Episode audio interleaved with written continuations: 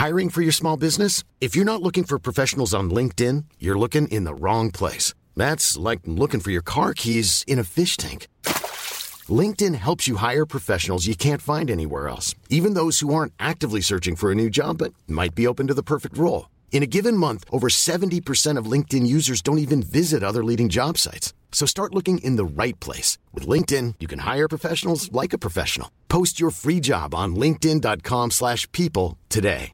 Many of us have those stubborn pounds that seem impossible to lose, no matter how good we eat or how hard we work out. My solution is PlushCare.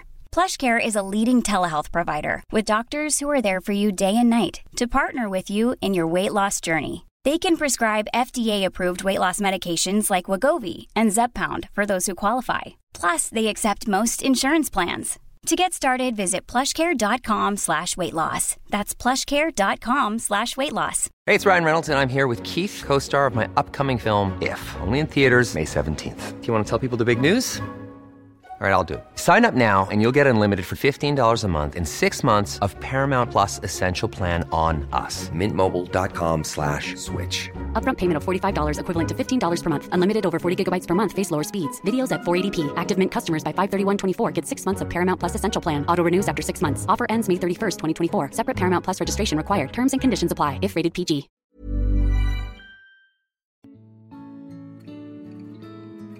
Välkommen tillbaka till podcasten Utan dig med mig Alexandra. Och med mig Emelie.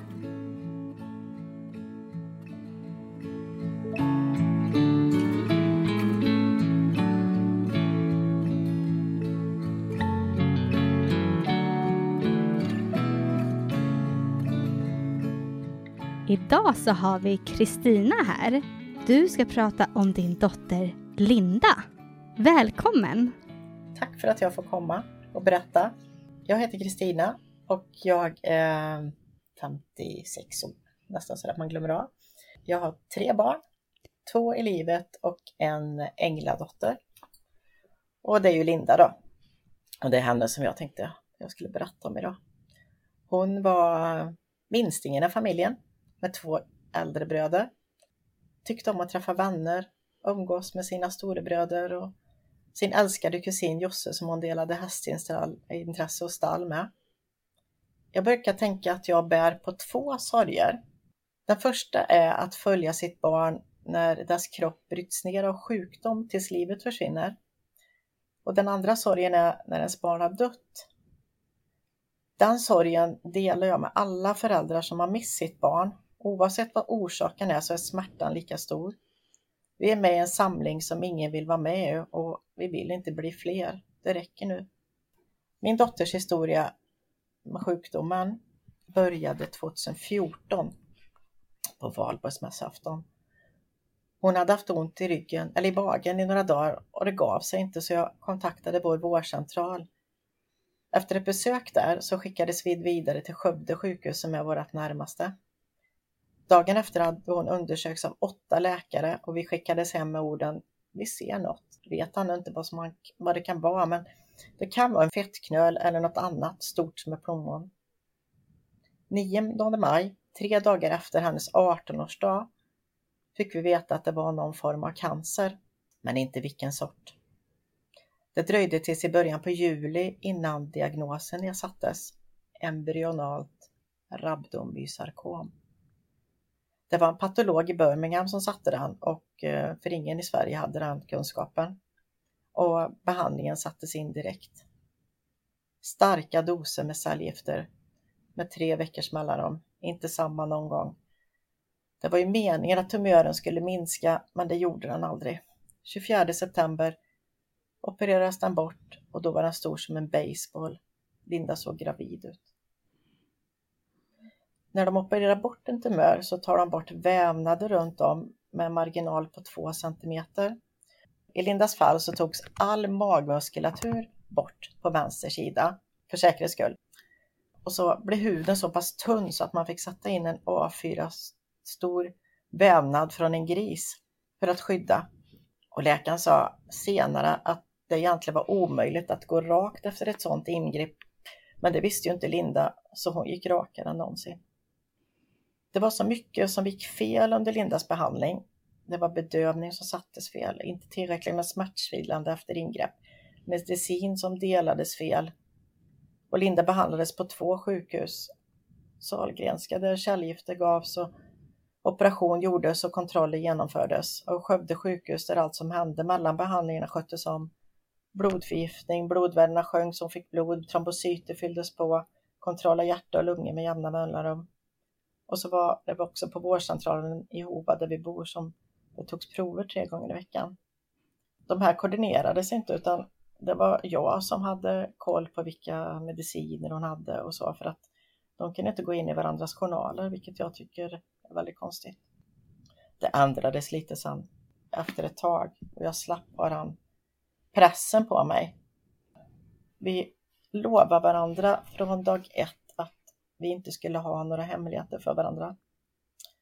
Linda ville ha kontroll och allt om överallt och även om många besked var smärtsamma för att få så ville hon veta. Och vi var öppna mot vår omgivning. Få var det som visste allt, men jag la ut bilder på Instagram och Facebook på kanske ingången till sjukhuset och skrev att nu är vi här igen. Och lite sådana saker för att jag visste, ville att folk skulle ändå ha ett hum om vart vi var. Jag också, ville ju inte att hon skulle tissla och tassla runt ryggen när vi kom i, liksom, där vi bor, utan alla skulle veta redan vad som var. Att hon hade tappat håret, att hon hade mussa, lite sådana här grejer, att hon inte skulle behöva bli uttittad. Våren 2015, efter nio cellgiftsbehandlingar, 28 strålningar, så skulle Linda äta två sorters cellgiftstabletter för att förhindra att det skulle komma tillbaka. Men hon förändrade bort en sort. Den skulle göra henne så trött om hon ville komma tillbaka till klassen. Ni ska veta att man funderar väldigt mycket på om det hade gjort skillnad då om hon hade ätit de där båda två. Men det är som det är. Linda visste att hon inte skulle vara klar med sina studentbetyg men hon skulle få följa klassen och ta studenten ihop med den och sedan läsa klart året därpå. Håret kom tillbaka. Hon fick komplimanger för att hon passade i kort hår. Hon hade ju aldrig haft det, hon hade sitt långa röda hår. Och det kändes bra där en kort tid, men sen kom studentveckan. På måndag var hon ute och red med sin kusin Josse. De var varandra så nära som systrar kan vara. Linda kom hem och var glad. Det kändes så roligt att rida. Hon hade kunnat gjort skillnad, inte bara sitta och åka med. Hon var ju eh, hästtjej, hon hade ju haft häst många år. Men sen försvann orken och dagen efter var det ett beachparty men Linda orkade inte vara med. Prover togs ju fortfarande och Sahlgrenska ville att vi skulle komma ner men jag sa nej. Linda skulle få vara med på sin student och även på balen. Det var viktigt för henne. Studentdagen kom och ingen tror jag förstod vilken kraftansträngning hon gjorde den där dagen. Först champagnepluckade oss med klassen och efter någon timme fick storbror Fredrik hämta henne och hon fick sova på hans soffa ett tag. Och sen skjutsades hon tillbaka till skolan. De gick i ett långt tåg ner till en plats där alla som ville fira stod och väntade. Hon fick bära på en massa ni vet, blommor runt halsen och sådär och, och sen till slut sa hon, jag orkar inte detta och hennes pappa fick ta det där och han sa att det här orkar inte jag. Då hade hon gått med det hur länge som helst för att det skulle man bara göra. Eh, efter det åkte de på lastbilsflak klassvis runt på gatorna. Jag såg hur hon hängde över flaket, hon var trött. Kalas i bygdegården ihop med kusinen, men festandet efteråt blev det inget av. Hon var så trött. När vi kom hem och hon tog av sig klänningen syntes spetsmönstret på hela kroppen, så svullen var hon nu. Dagen efter så prövade hon sin balklänning. Det var en glipa på 15 centimeter den gick inte på. Jag ringde in där vi hade köpt den och vi fick snabbt komma in efter att hon hade stängt. Och det fixades en ny. Vi kom hem. Hon, eh, vi fick åka hem in direkt till eh, kirurgen för hon var så dålig. Vi låg där en natt. Och sen sa läkaren på söndag morgon på valdagen att vi ser till att du inte har smärta. Vill du åka så är det, så ser vi till det. Så vi åkte hem och hon åkte. Hon var så rädd att hon skulle knäa eller liksom se trött ut på alla kort. För det togs ju ute vid vattnet sådär och hon är nog den som sträcker på sig mest av allihopa. Hon var så vacker. En fantastisk dotter. Måndagen efter studenten så åkte vi in till Göteborg. Linda tappades på sju och en halv liter vätska och vi fick höra att cancer nu var i hela magen. Det var som att man hade tagit en eh, målarpensel och bara målats i. Det var inte så den här cancern skulle funka, fick vi höra från början, men nu hade den muterat till något konstigt. Nya cellgiftsbehandlingar sattes in, starkare den här gången, om det nu var möjligt. Håret tappades ännu en gång. Det som var så fint hade vuxit ut. En bit i alla fall. Vi hamnade på IVA. Sänkan var 429 och de vita blodkropparna låg på 0,1. Göteborg trodde att detta var slutet.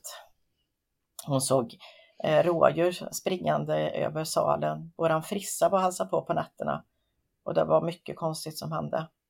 Den sommaren så låg vi 46 nätter på sjukhus. Jag har ingen koll på hur många nätter det är på de där tre månaderna, men 46 var nästan alla i alla fall kändes det som. Vi låg på onkologen, vi låg på IVA, kirurgen och barnmedicin. En natt fick jag sova på golvet, men annars fick jag en egen säng. Jag hade lovat att vara med på alla behandlingar och det var jag. Mitt jobb fick skötas av någon annan. På ett besök på onkologen i augusti så sa Sigvard, som var den som ansvarade för Lindas behandling, att vi skulle se till att göra allt vi ville. Inte vänta med det. Vi förstod inte då att han såg slutet. För det ville ju inte vi se. 20 september åkte vi in till Skövde den sista gången. Och någon dag senare så öppnades magen upp och allt satt ihop. Hon ska aldrig mer kunna äta. Där försvann hennes livsgnista. Hon älskade mat. Jag slutade äta jag med.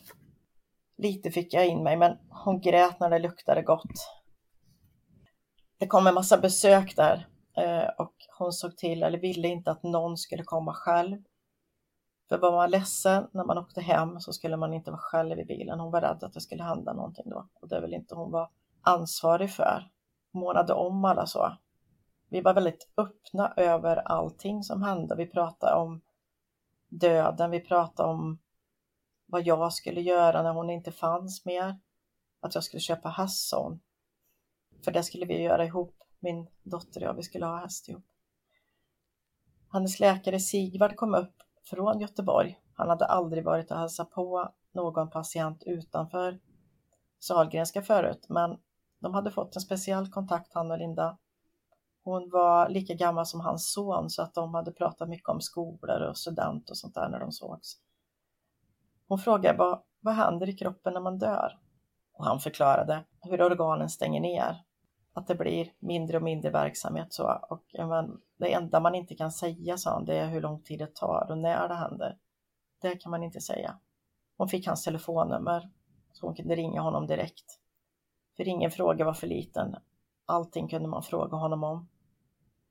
Kuratorn kom upp, också hon från Skövde, eller från, hon var, jobbade i Mariestad först, det här är en liten underlig historia. Och hon eh, tog och, eh, eller slutade i Mariestad och kom till Göteborg istället, men vi visste inte var. Sen fick vi en sköterska som gav sig sjuttsingen på att hon skulle leta reda på Therese och lyckades. Och när hon hittade henne så jobbade hon i samma hus som onkologen var så att hon kom ner och lyssnade på och fick tag på Linda och lyssnade och alltså vilken kontakt de fick där. Hon kom också upp och Linda fick prata av sig en allra sista gång. Hon eh, fick Therese att eh, lova att hon skulle hålla koll på mig och familjen. För mm. Linda var rädd för att vi skulle bli så ledsna och sluta leva. Hon ville att hon skulle ha koll. Prästen kom upp. Han eh, hade varit med sin dotter dagen innan och fått ett cancerbesked med henne. Så jag frågade, orkar du Jan-Olof? Ja, sa han, det är klart jag orkar. Och Linda fick fråga vad som hände på en begravning. Hon hade aldrig varit på någon sån. Får man bjuda in eller får alla komma? Är det några unga där uppe? Eller blir jag ensam? Hur, hur går allting till liksom? Och Jan-Olof förklarade att det fanns visst fler där uppe. Det fanns många som hon som längtade efter henne som skulle ta hand om henne. En morfar och en farmor. Visst fanns det ungar där uppe. Sen fick hon ro. När hon hade pratat med prästen så fick hon ro i själen. På kvällen den 6 oktober sa hon sina sista ord. mamma, jag älskar dig. Och jag fick skjuva ihop våra sängar, krama om henne. Jag låg vågade inte sova den natten för jag kände att hon, eh, hon andades så stötvis, så konstigt. Men hon levde när vi vaknade, eller när dagen kom. Och, eh, en hel dag utan att säga någonting. Vi bestämde tidigt att vi skulle prata med Linda, även om inte hon svarade så skulle vi prata med henne. Och det gjorde vi hela dagen. Alla som kom gjorde det. Halv åtta på kvällen. Det här är nästan sex år sedan. Exakt. Så andades hon ännu mer stötvis. Det tog ett andetag och sen blev det tyst och så tog hon ett nytt. Eh, jag låg och kramade henne och hennes pappa satt med hennes hand i sin och så säger han att Linda, det är okej. Okay. Du får släppa taget nu. Du får det. Och det gjorde hon. 7 oktober 2015, kvart i åtta, tog hon sitt sista andetag. 19 år, 5 månader och en dag gammal. Våran älskade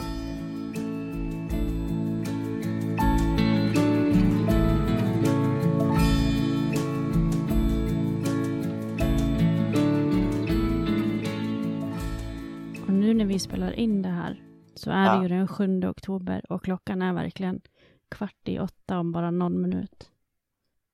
Hur känns ja, det för det dig, Kristina? Det är stort. Jag tror att det här var meningen. För hon finns med mig. Hon finns med mig alltid. Mm. Jag eh, tror att vi kommer att ses igen. Eller jag vet att vi kommer att ses igen. Hon är där uppe och hon väntar på mig. Och det är stort. Mm. För mig har det varit en styrka och ett, eh, ett måste att känna så. För eh, att aldrig mer få träffa henne, det, det går inte, jag kan inte ta in det. Det går inte. Vi har liksom eh, slutat fira födelsedagar i vår familj. Gör det light-varianter. Julafton är inte så viktig längre mors dag, jag vill inte ha honom. Alltså, för det fattas alltid någon. Våran präst som var där de där sista dagarna eller, och hälsade på Linda och när de fick prata med honom kom till oss eh, väldigt ofta i början. Han eh, kom med en fikapåse och frågade om han fick kaffe. Och han ville bara kolla hur det var med oss och eh, tydligen är det så att när man mister ett barn så är det väldigt lätt att man går isär. Man kanske sluter sig inom sig själv och inte orkar med sin partner. Och eh, det dröjde några månader så sa han bara att nu, nu kan jag andas ut. För nu ser jag att ni kommer att klara det här. Och så det var skönt att vi klarar oss. Mm. Jag gick iväg till ett medium så småningom. För jag kände att det här var, jag måste få kontakt. När jag kom till henne så visste hon bara mitt namn och Linda visste hon inte namnet på. Och så säger Inger som hon heter att nu måste du säga vem den här tösen är som jag har haft bredvid mig hela dagen. Hon slänger med sitt långa röda hår och hon ger sig inte utan eh, hon har bara väntat på dig tills du skulle komma. Jag får så här rysningar på mina armar när du berättar det. Mm. Mm ja, jag bara grät. Alltså, det, var, det var så mycket som jag fick höra som ingen visste. Det är ju sådär skeptiskt, ska man tro, ska man inte tro. Jag tror fullständigt. Hon eh, bad att jag skulle lyssna på Stad i ljus efteråt, för det var så det var där uppe. Hon mådde bra.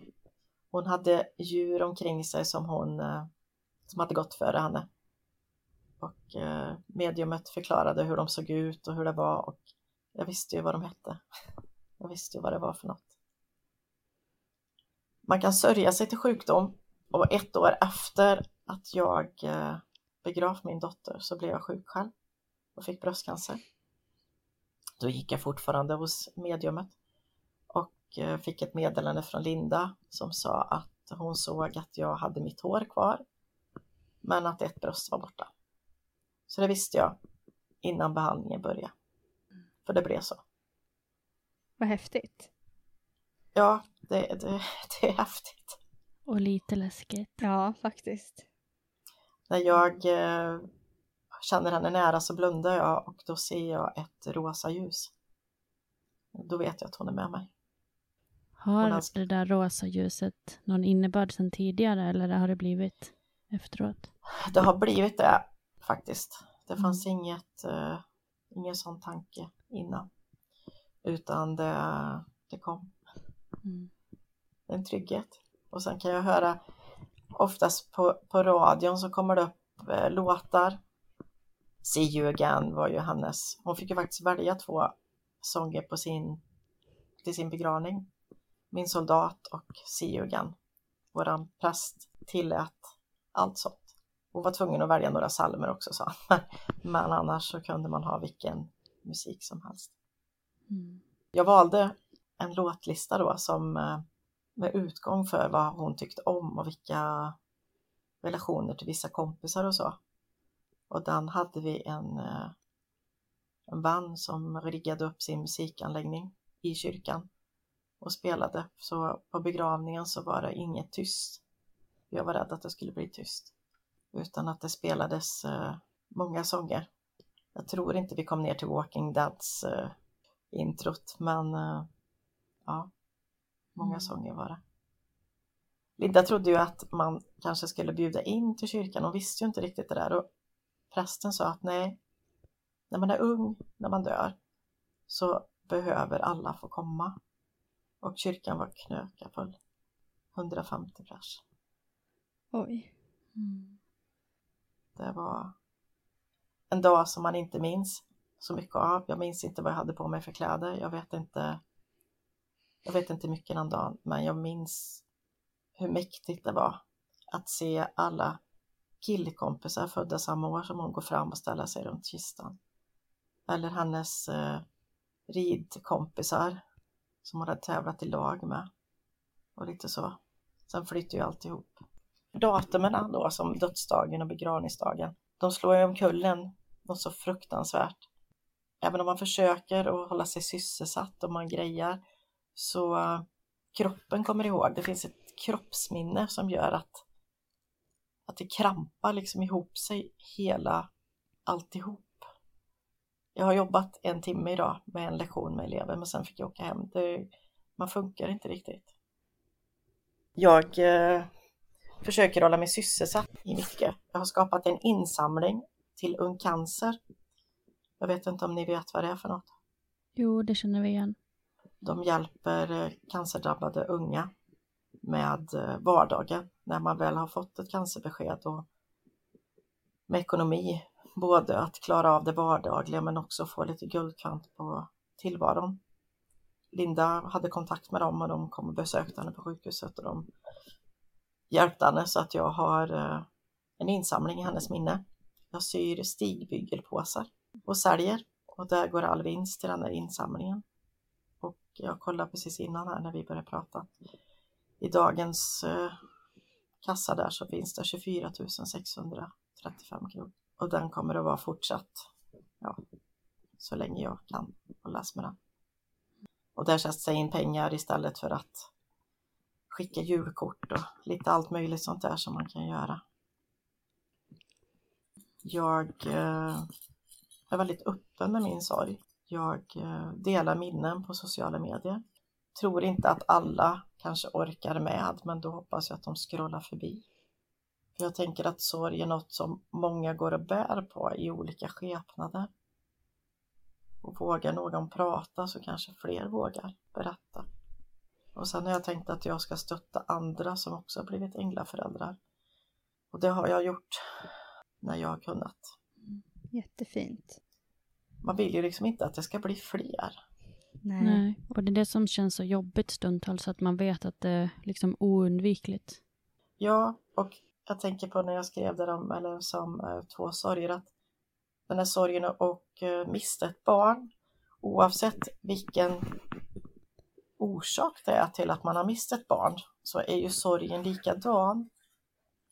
Jag vet, jag fick höra en mamma som sa, hade, en änglamamma som hade fått hört att ja men din, ditt barn valde ju själv, så då ska du väl inte sörja.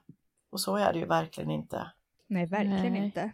Det är ju fruktansvärt att säga något sånt. Och som tur var så hade jag en, jag hade en änglamamma bredvid mig när jag miste min dotter. Och det som hon gjorde för mig genom att finnas där och vara ute och gå och bara vara, det är guld värt. För de där första veckorna när man har mist ett barn så slutar man ju fungera fullständigt. Man eh, stänger ju av. Man är inte kontaktbar nästan. Maten, det är ju inget viktigt.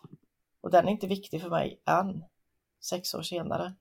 Jag äter för att jag måste och för att min man ser till att jag ska få mat i mig. Men jag, eh, det är ingen glädje med mat. Jag tror att det är många som känner just det där med maten.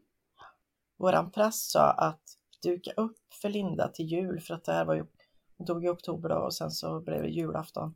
För att hon är med er ändå så ni kan lika gärna sätta en tallrik med hennes mat och hennes foto så blir det mer tydligt för er allihopa och det kändes så skönt när han sa det.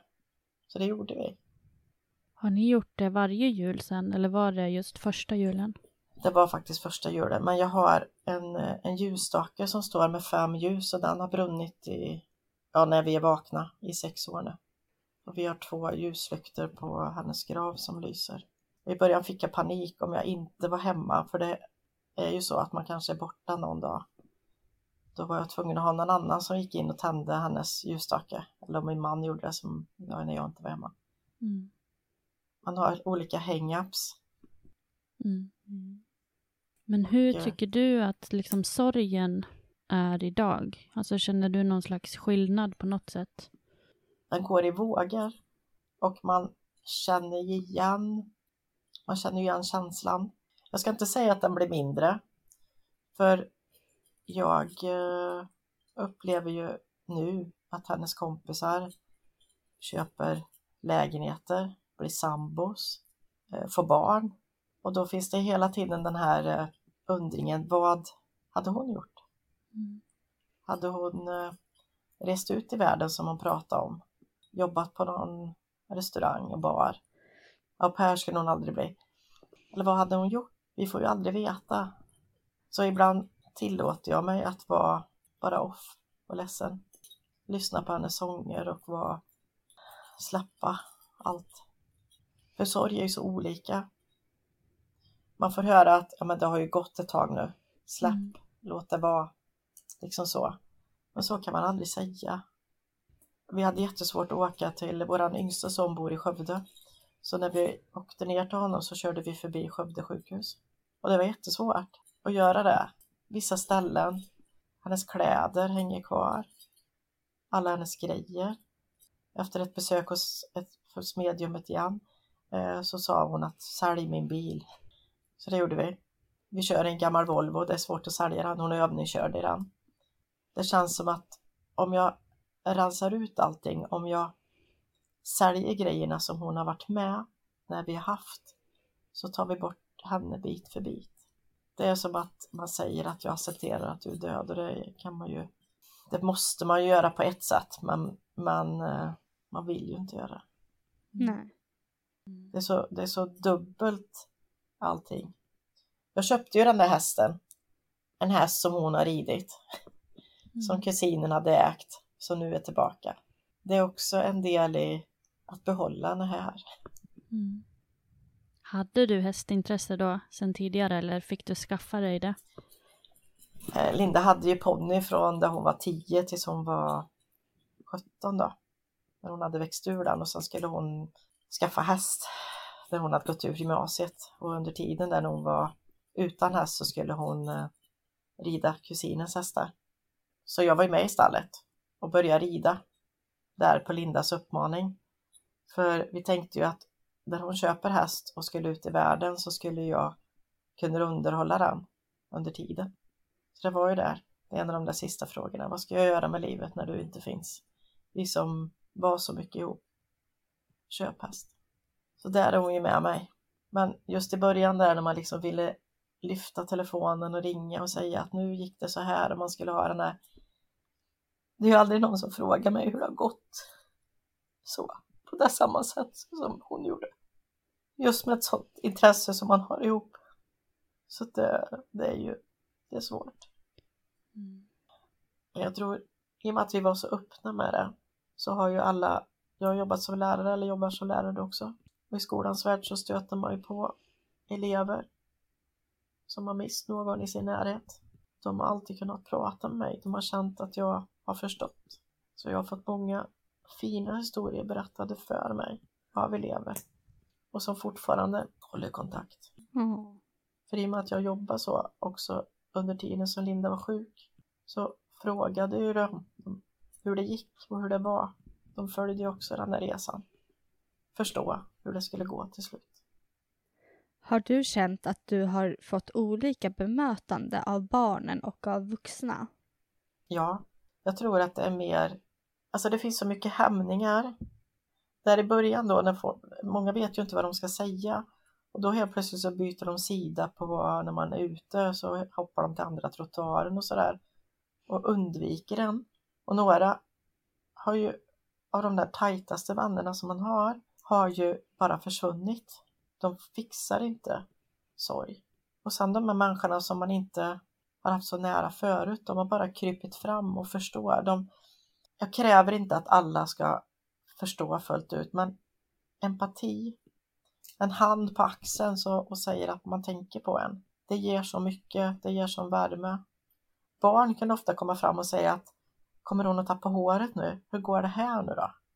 Har hon inte, liksom, har hon opererat sig? Hur, hur funkar det nu? Alltså de är mer rätt på. Och det är också en befrielse att få så raka frågor. Mm. Jag kan tänka mig det. För det, det bästa man kan ge en förälder som har mist ett barn, det är sin tid. Att ställa frågan, hur är det? Stanna kvar och lyssna. Ja, det blir väl ett sätt att, att någon annan bär ens sorg, om än bara för en liten stund. Så får man liksom Ja. dela den med någon. Och sen är det så här att jag får ju inga nya minnen med mitt barn. De slutade ju där för sex år sedan. Så jag har ju fått eh, foton skickade till mig som andra har tagit. Jag har fått eh, höra någon berättelse att ja, när vi var där så gjorde hon så här och det är ju liksom guld värt. Alltså det värde mig hela hjärtat att få reda på lite mer. Att någon annan också saknar, att någon annan också har tyckt om min dotter. Mm. Att någon annan har förstått att jag vill lyssna. Jag har ju hennes närmsta vänner som fortfarande kommer till oss. Som tar sig en tid och sitter hos oss en stund. Skriver ibland och undrar hur det är. Kan det vara extra jobbigt att träffa dem också eller är det oftast skönt? De här är, det, de är så tajta med oss. Så Mm. att det är rätt skönt. Vi eh, kan älta de här sista dagarna. Vi kan prata om någon, någon grej som var som vi har pratat om många gånger förut. Det är lite tryggt. Mm. Linda skulle ha åkt, hon skulle ha fyllt eh, 20 året efter och då åkte vi och grattade dem i Lindas ställe. Det har vi inte gjort sen, men för oss var det viktigt att få göra det det där första året. Mm. Hur var det när Linda liksom förstod att hon inte skulle överleva sin sjukdom? Fick ni liksom trösta henne i det också? Jag tror att hon visste innan vi visste. Hon var en gammal själ. Hon, hon visste långt innan vi visste. Det vet jag också sen eh, att hon har sagt att hon, hon orkade egentligen inte leva så länge utan hon var kvar här hos oss för våran skull. Jag tror att just den här andra sommaren när hon eh, svullnade upp så i magen och det blev så konstigt så tror jag att hon, hon visste det sedan länge. Och det är klart att hon var ledsen. Alltså jag jobbar ju där ett tag och jag fattar ju inte nu, jag borde ju inte ha gjort det. Och vi pratade om att jag skulle köpa eller ansöka om anhörigstöd, går ju att få. Och då när vi läste på det ihop så sa jag att det får man ju innan någon dör. Ja men då kan ju inte du söka det, hon, för jag lever ju. Och jag ska ju inte dö. Jag tror vi höll skenet uppe för varandra kanske. Hon eh, pratade också om vad hon skulle göra om sommaren efter och så, men det var ju liksom jag vet inte. Det är inte mänskligt att prata döden med sin 19-åriga dotter. Nej. Jag fick liksom ta, vad har du för kod på telefonen? Hur kommer jag in på den? Hur, hur liksom gör jag här? För att vi skulle kunna spara ner hennes kort och lite sådana grejer. Hennes kamera som hon ville att storebrorsan skulle ha för att de delade ett fotointresse. de där sista veckorna så kom ju personalen på kirurgen in och tyckte att vi var, att vi hade en sån härlig öppenhet, att vi, de liksom bara tappade andan eller tappade hakan över vad vi pratade om. Men det var också en tröst i att kunna göra det, att vara så öppen. Då kanske det inte är så stor risk att ni ångrar er i efterhand, att någonting inte blev sagt heller. Nej, hennes lillebror Patrik sa det, han, han låg hos henne eller när vi hade skjutit ihop sängarna lite grann och då gick vi andra ut och åt för att hon klarade ju inte riktigt att vi åt där inne eftersom det luktade så gott. Och då sa han att vi pratade igenom alltihopa så vi har liksom har pratat klart om det som vi funderar på båda två. Så att det blev liksom ett, av, ett avslut på något sätt. Att vi inte har, vi har pratat klart. Jag lovar henne att följa med på alla behandlingar och allting. Och jag eh, gjorde ju det och det känns skönt. Jag tål inte blod. Jag eh, svimmar lätt så på vissa undersökningar så sa hon faktiskt att nu får du gå ut för nu ser jag att du blir blek. Men annars så var jag med. Och det var många behandlingar. Många fruktansvärda. Jag tror inte jag har berättat för någon ibland om allting som vilket lidande det blev. Jag klarar inte av att tänka på det själv. Vi eh, fick hem, hon tyckte inte om sjukhus. Så dagen efter hon hade dött så kontaktade vi en begravningsbyrå och han kom hem till oss samma dag. Så vi valde kista och hon hade ju redan valt att han skulle vara mörkbrun. Så det var ju enkelt. Så två dygn senare så var hon här i Hova och då tog jag emot henne. Och fick nyckel så jag kunde gå in och hälsa på henne. Jag gjorde aldrig det men det var nyckeln har jag kvar, en trygghet. Och sen var jag med när hon skulle till kyrkan och begravas så stod jag i kyrkan och tog emot henne också. Jag fyllde hela kyrkan med doftljus och röda rosor. Jag sätter ofta doftljus vid hennes grav. Vi har tillåtelse att ha levande ljus året om på hennes grav. Det är lite torrt ibland och de brukar inte tycka om det men jag har fått tillåtelse. Jag är där varenda dag. På graven två gånger om dagen. En eller två gånger om dagen. Ibland fler. Är det nära där ni bor? Ja, det är nära. Det är jättenära.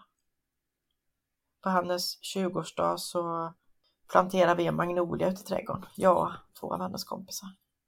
Vilken färg? Den är vit med lite rosa.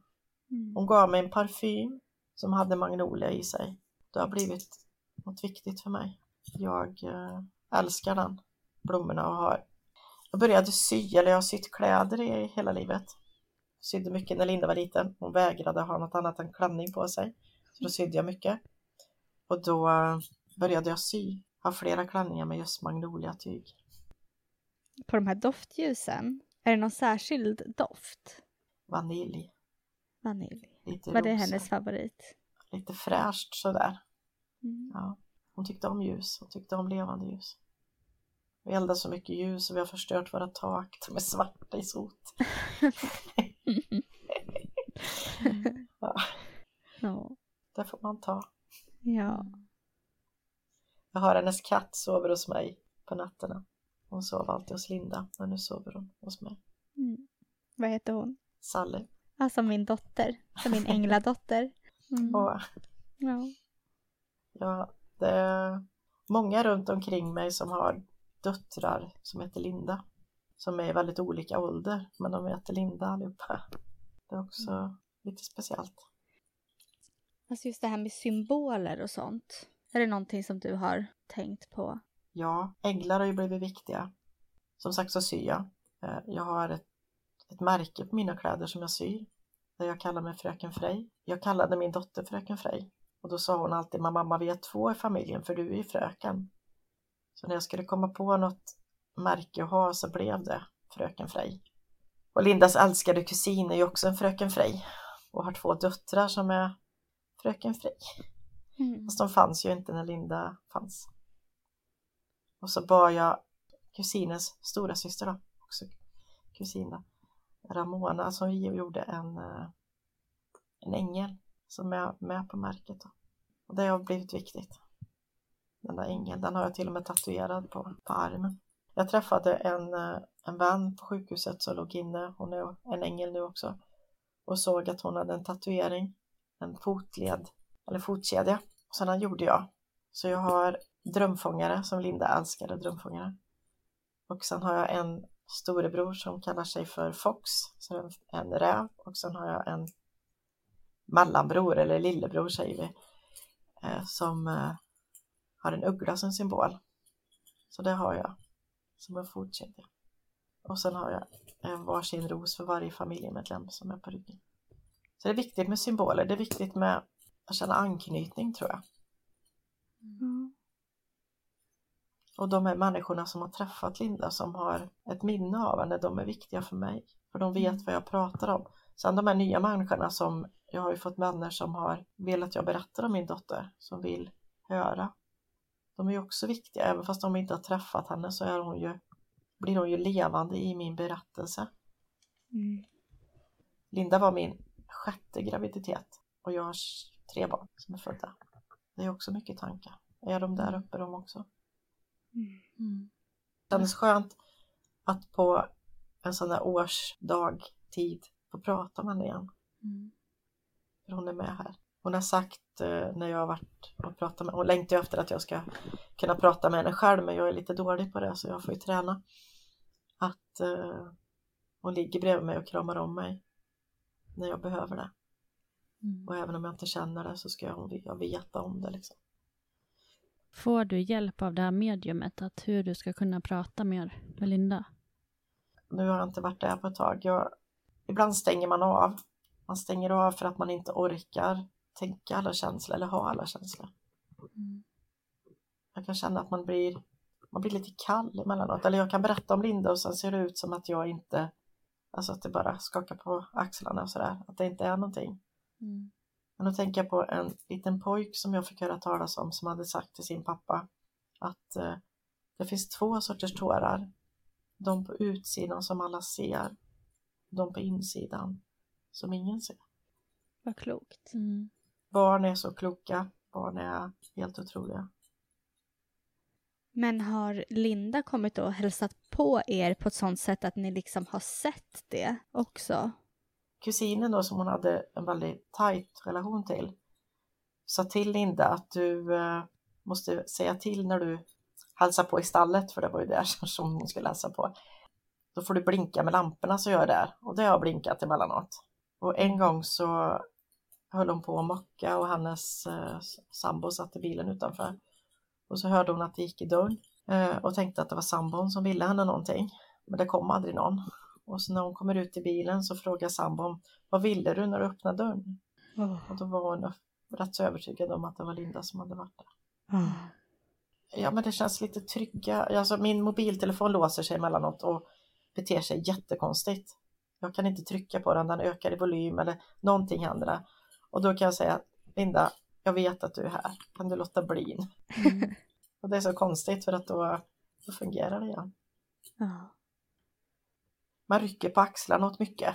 Alltså jag kan ju tappa bort grejer. Alltså minnet är inte som det ska och jag glömmer saker och sådär och då ah, det var väl inte så viktigt. Grejer som jag tidigare hade tyckt varit jätteviktigt och hakat upp mig på länge kan jag bara tänka att ah, skitsamma. Man inser vad som är viktigt. Och det är inte prylar. Det är att omge sig med människor som man tycker om. Mm.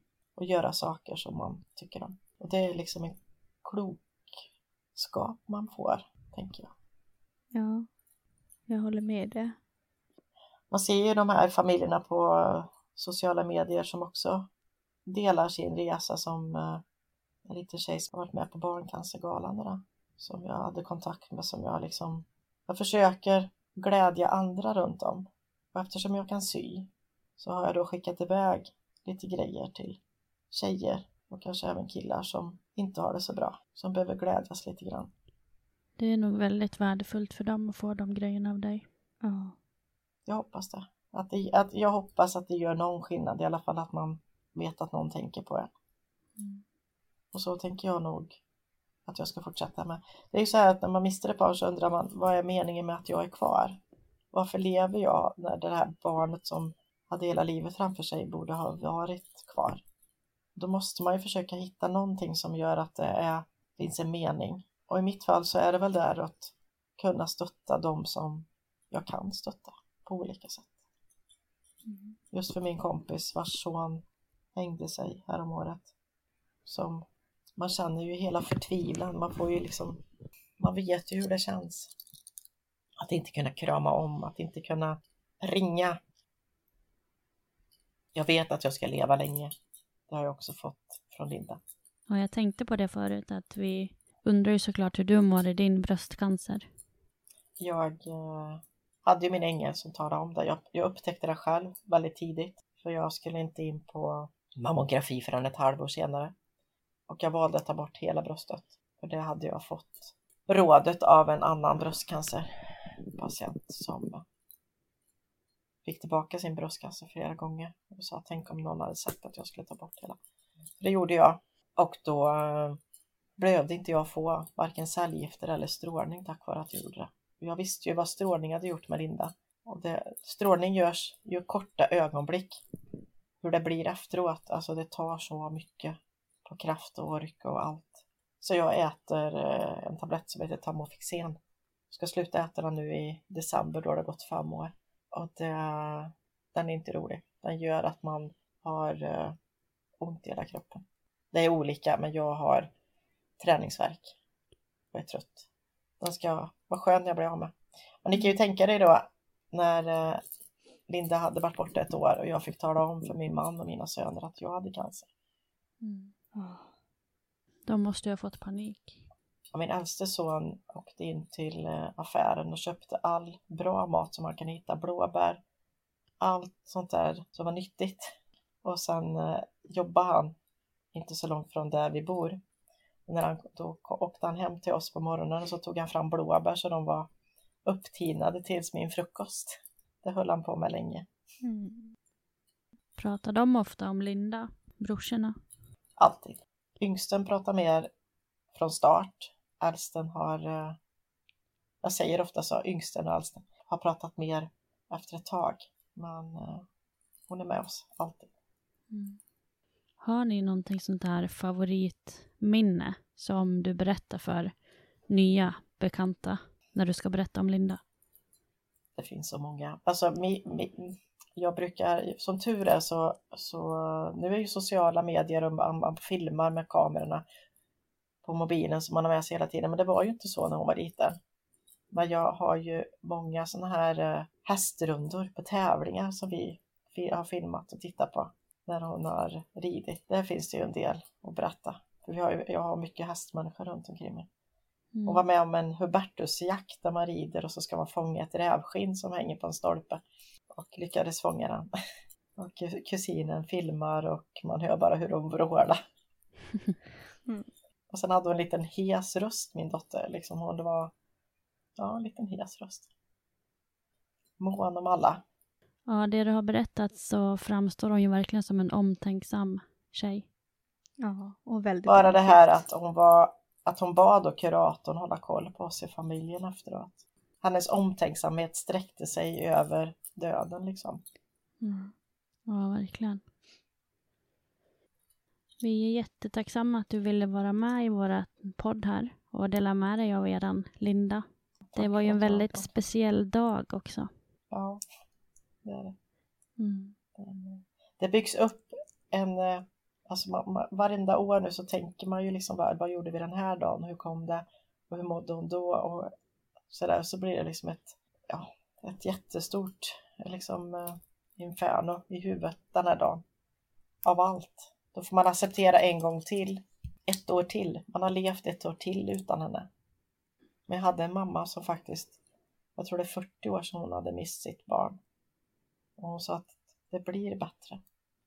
Men att jag tänker fortfarande lika mycket. Liksom så. Mm.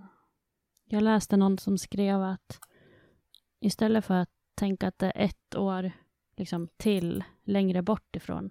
så blir det ju också ett år närmare att ses igen. Och det tyckte jag var väldigt skönt. För det har jag tänkt att jag är inte rädd för att dö. Nej. Jag är inte alls rädd för att, jag får ju möta henne då. Och då blir jag nästan lite avundsjuk på dem som dör innan mig. Mm. För att de får träffa henne först. Men jag har ju varit där uppe och hälsat på. Varit inne i huset hon bor i. Vill du berätta lite mer om det? Ja, det är häftigt. Jag fick eh, hjälpa mediumet att komma upp och hälsa på en gång och sen så har jag gjort det en gång efter det och då den gången jag gjorde det själv så var jag uppe med en häst, Lillan som vi lånade ett tag, eh, som också är hos Linda då. Så jag red på henne. Hon var en liten B-ponny så det är ju helt knasigt bara det, men, men eh, jag var med henne där uppe och hon visade mig runt hästen i huset. Och ett gult hus med vita knutar. Ett fint kök och så alla djuren. Och sen grind. För det har oftast varit så när mediumet har berättat vad hon har gjort så har Linda stått vid grinden med djuren runt omkring sig och håret har blåst liksom. Att hon verkligen har visat att jag mår bra, jag har mitt hår nu. Och det är häftigt. Mm, ja, verkligen. Och hon har sagt liksom att ja, mamma nu måste du rensa i, i hallen, det är för mycket skor där. Och så jag tänkte, fasen, vet hon? Ja. Och just med bilen, det är okej att sälja den mamma, ni kan inte ha den kvar. Den var ju krånglig med, liksom, låt den vara. Hon har stenkoll på er. Ja, det har hon. Det har hon. Och just att hon, eh, jag kan be om olika grejer. Att hon ska hålla koll på sina brorsor. Att hon, då känns det som att hon gör det. Mm. Och hon har säkert ett finger med i spelet att du är med här idag och berättar om henne. Ja, det är jag övertygad om. För det blev ju lite snabbt och så ändå det här datumet det blev så. Ja, för det var ju så. Vi Magiskt. fick ju en, en gäst som tyvärr inte kunde vara med. Ja. Och då kunde du hoppa in istället. Ja. Mm. Ja, det är jag tacksam för. Vi med. Jag har ju berättat om Linda på, på lite olika cancergalor och lite så. Jag tycker att det är viktigt att berätta från någon som, som har varit med. Även om jag bara stod bredvid. Mm. Tack snälla för att du har delat med dig om tankar och berättelser. Ja, tack. Ja, tack. Tack för att jag fick vara med.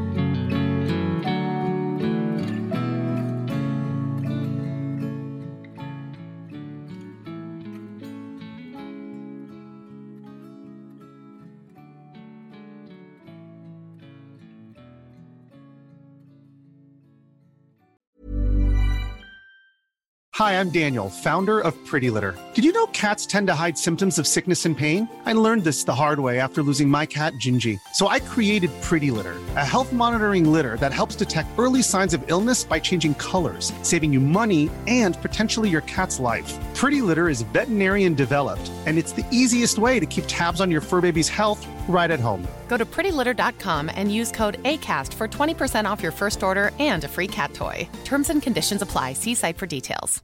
Imagine the softest sheets you've ever felt. Now imagine them getting even softer over time. That's what you'll feel with Bowl and Branch's organic cotton sheets. In a recent customer survey, 96% replied that Bowl and Branch sheets get softer with every wash. Start getting your best night's sleep in these sheets that get softer and softer for years to come. Try their sheets with a 30-night guarantee. Plus, get 15% off your first order at bowlandbranch.com. Code BUTTERY. Exclusions apply. See site for details. Hey, it's Paige DeSorbo from Giggly Squad. High quality fashion without the price tag. Say hello to Quince. I'm snagging high-end essentials like cozy cashmere sweaters, sleek leather jackets, fine jewelry, and so much more. With Quince being 50 to 80% less than similar brands. And they partner with factories that prioritize safe, ethical, and responsible manufacturing. I love that. Luxury quality within reach. Go to quince.com slash style to get free shipping and 365 day returns on your next order. Quince.com slash style.